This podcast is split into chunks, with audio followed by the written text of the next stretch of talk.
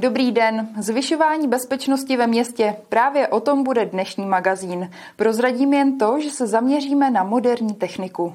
Jako v každém městě, i v Jablonci nad Nisou se snaží dělat maximum pro bezpečnost svých občanů. A právě pro tyto účely se město rozhodlo zakoupit drony. Já si myslím, že použití moderních technických prostředků je právě ta cesta. Narážíte na problém lidských zdrojů a technické prostředky dneska jsou k dispozici a navíc jejich cena klesá. Praha ty drony využívá. Dostali jsme tam i technické podklady, protože oni používají různé typy dronů a vědí, který pro tu naši oblast jsou nejlepší. My jsme si to od nich v podstatě nechali natypovat a podle toho jsme je objednávali. Drony se město rozhodlo pořídit rovnou dva. Jeden je lépe technicky vybaven, má i infrakameru, stál zhruba 160 tisíc korun a ten druhý je levnější a ten stál do 60 tisíc korun. Určitě bychom rádi tu techniku využili při pátracích akcích, ať jsou to pohřešované děti, nezletilí, ale velmi často se nám stává, že pohřešujeme i seniory a víceméně se až na poslední chvíli dovíme,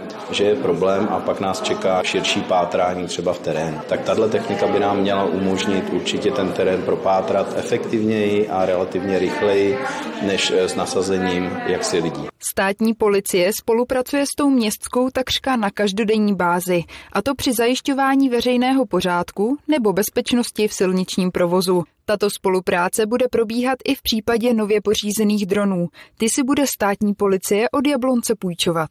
Samozřejmě předtím, než eh, samotné drony zlétnou, musíme zajistit eh, řádnou legislativu a proškolit eh, policisty tak, aby mohli tyto drony používat. Největší zkušenosti v praxi s drony má letecká služba policie České republiky. My budeme zapučené drony využívat především k zajištění bezpečnosti ve městě a přilehlém okolí. Využití dronů je široké. Kromě zmíněného pátrání pomohou například při požáru nebo na silnicích. Budeme například využívat při dokumentaci trestné a přestupkové činnosti v rámci vážných dopravních nehod, dále při řešení přestupku v souvislosti s agresivními řidiči, kteří se pohybují nejen na komunikacích, ale i v terénu mimo silnice. Ta technika umožní jedinečný záznam v tom okamžiku, kdy to provádíme a právě díky jaksi širokému rozlišení a uložení těch dat je možnost se k těm datům později vrátit, především pro znalce, kteří potom zkoumají, vyjadřují se k příčinám, událostem a tak dále. Jablonecká městská policie pak vnímá nákup dronů nejen jako velký technický skok, ale především jako možnost, jak lépe využít práci svých strážníků.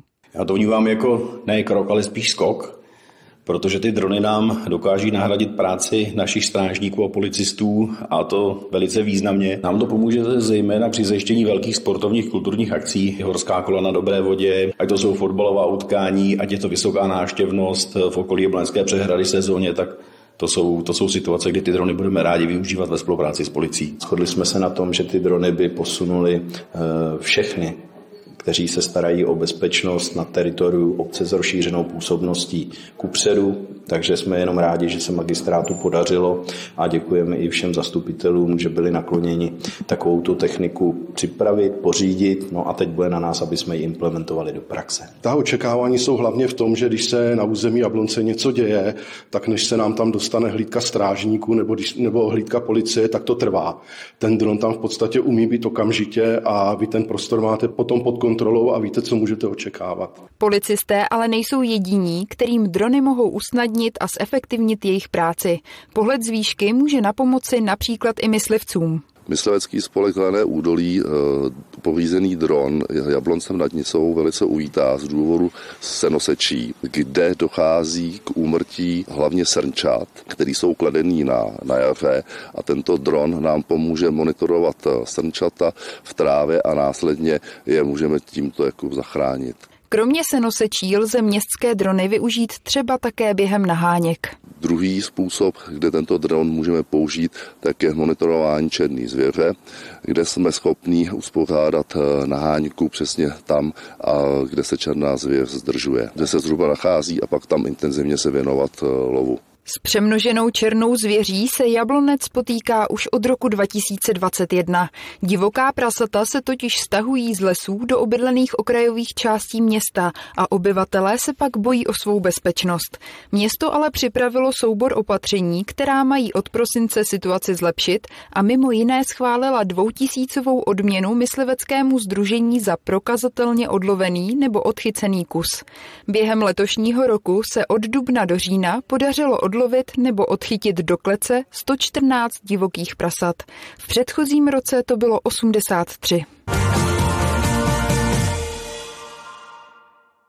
Téma bezpečnosti jsme alespoň pro tentokrát vyčerpali. Mějte se krásně a za týden se sejdeme nad městským rozpočtem na příští rok. Na viděnou.